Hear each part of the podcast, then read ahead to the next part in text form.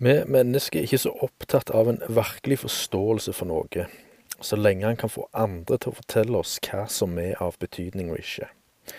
Og dersom informasjon som gis, kommer fra en troverdig kilde, og samtidig er i samsvar med fornuften, så faller han for en slik tilnærming og forståelse, bevisst eller ubevisst.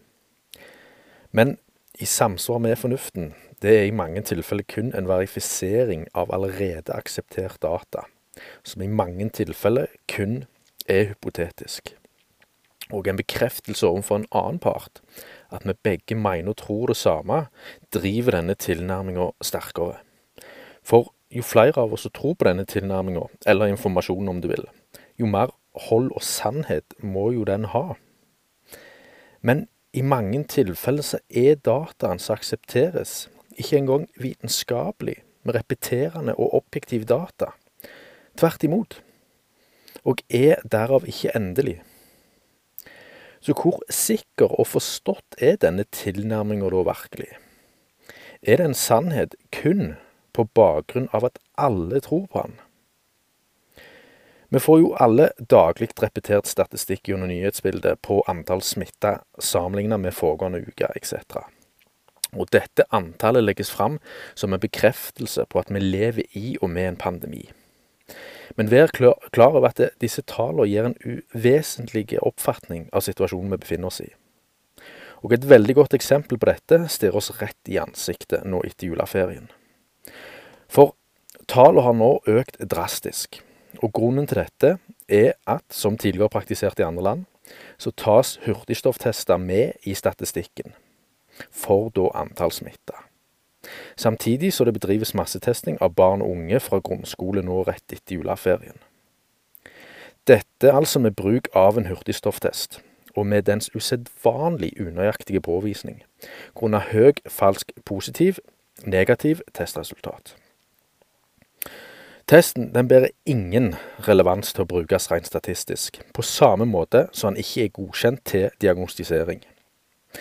Det hurtigstofftesten rettferdiggjør, det er en økt, økt begrensning, altså økt tiltak, og opprettholdelse av eksisterende tiltak, som f.eks. nedstengning og påfølgende smitteverntiltak. Jeg har tidligere gått detaljert inn på vitenskapen bak en vanlig serologiske antistofftest, som skal være den nøyaktige varianten. Og en antistofftest er i seg sjøl unøyaktige, altså denne her serologiske analysen.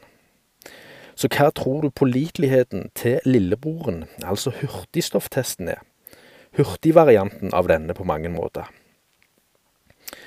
Hurtigstofftesten den vurderes òg nå om muligens kan, skal kunne brukes som verifiseringsverktøy for påvisning av covid-19. Og unnskyldninga er at vanlig antistofftestanalyse, da utført på laboratorier, krever store ressurser fra de utøvende laboratoriene. Samtidig så har utnevnte eksperter her i Norge og i andre land uttalt seg om at hurtigtesten i seg sjøl hovedsakelig har en falsk negativ, og ikke falsk positiv testresultat, og kan derfor benyttes som fremtidig verifiseringsverktøy for sykdommen covid-19. Det drøftes òg en mulig løsning for å kunne teste seg sjøl med en hurtigstofftest hjemme, og så basert på testresultatet registrere dette sjøl via BankID. Med andre ord, den enkelte kan frivillig bedrive diagnostisering av covid-19 rent statistisk hjemmefra, med en test som ikke er egnet til formålet. Det jeg prøver å få fram her, er at det er et hysteri på å opprettholde og ikke minst øke smittetallene, uavhengig av kontroll og verifisering av metodene som brukes. Før pandemien så lå allerede helsevesenet i Norge flere årsverk tilbake i tid med tanke på behandling av pasienter. Og Universitetssykehuset her i Stavanger har nettopp kommet ut med uttalelser om at hele 180 operasjoner er satt på vent eller kansellert pga. smittetall. Smittetall der CDCs direktør i statene offentlig uttalte seg om at hele 75% av antatt covid-19-dødsfall, altså dødsfall, i USA nå i 2022 hadde alle minst fire eller flere eksisterende tilstander foruten påvisning av covid-19. Og hvis vi tar for oss de resterende 25% her, så utgjøres det av den eldre garden i samfunnet.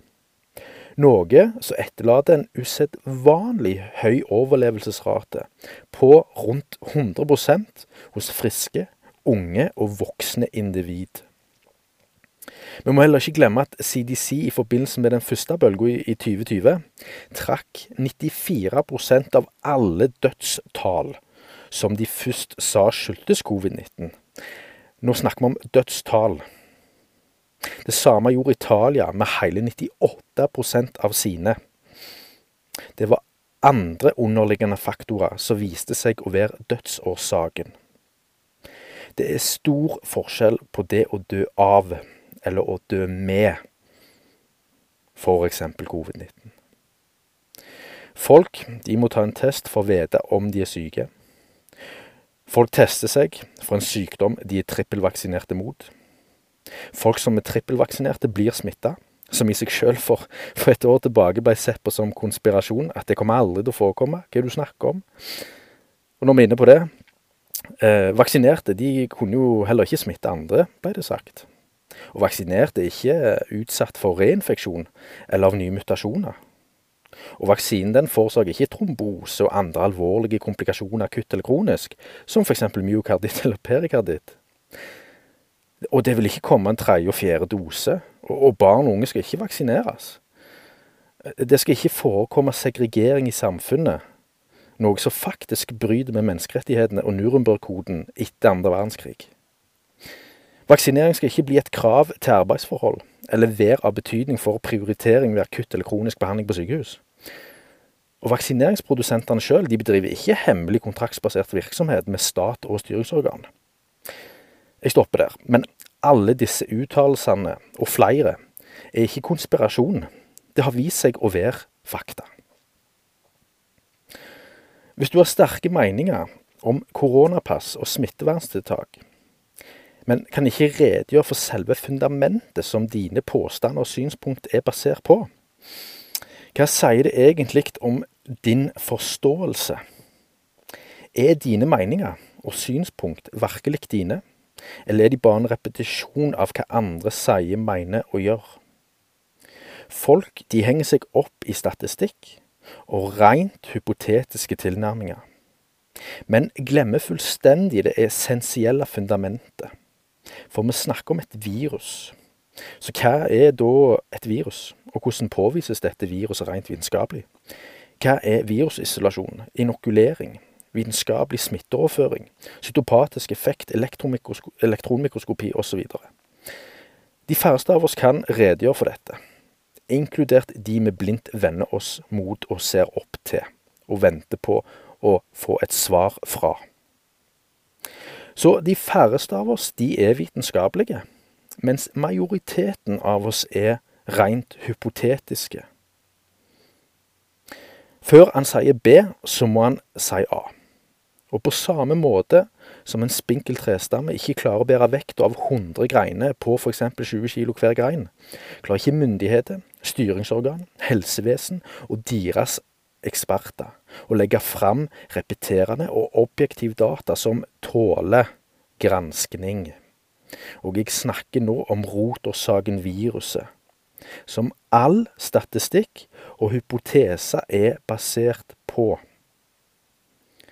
Som Albert Einstein sa, blind tro på autoritet er sannhetens største fiende.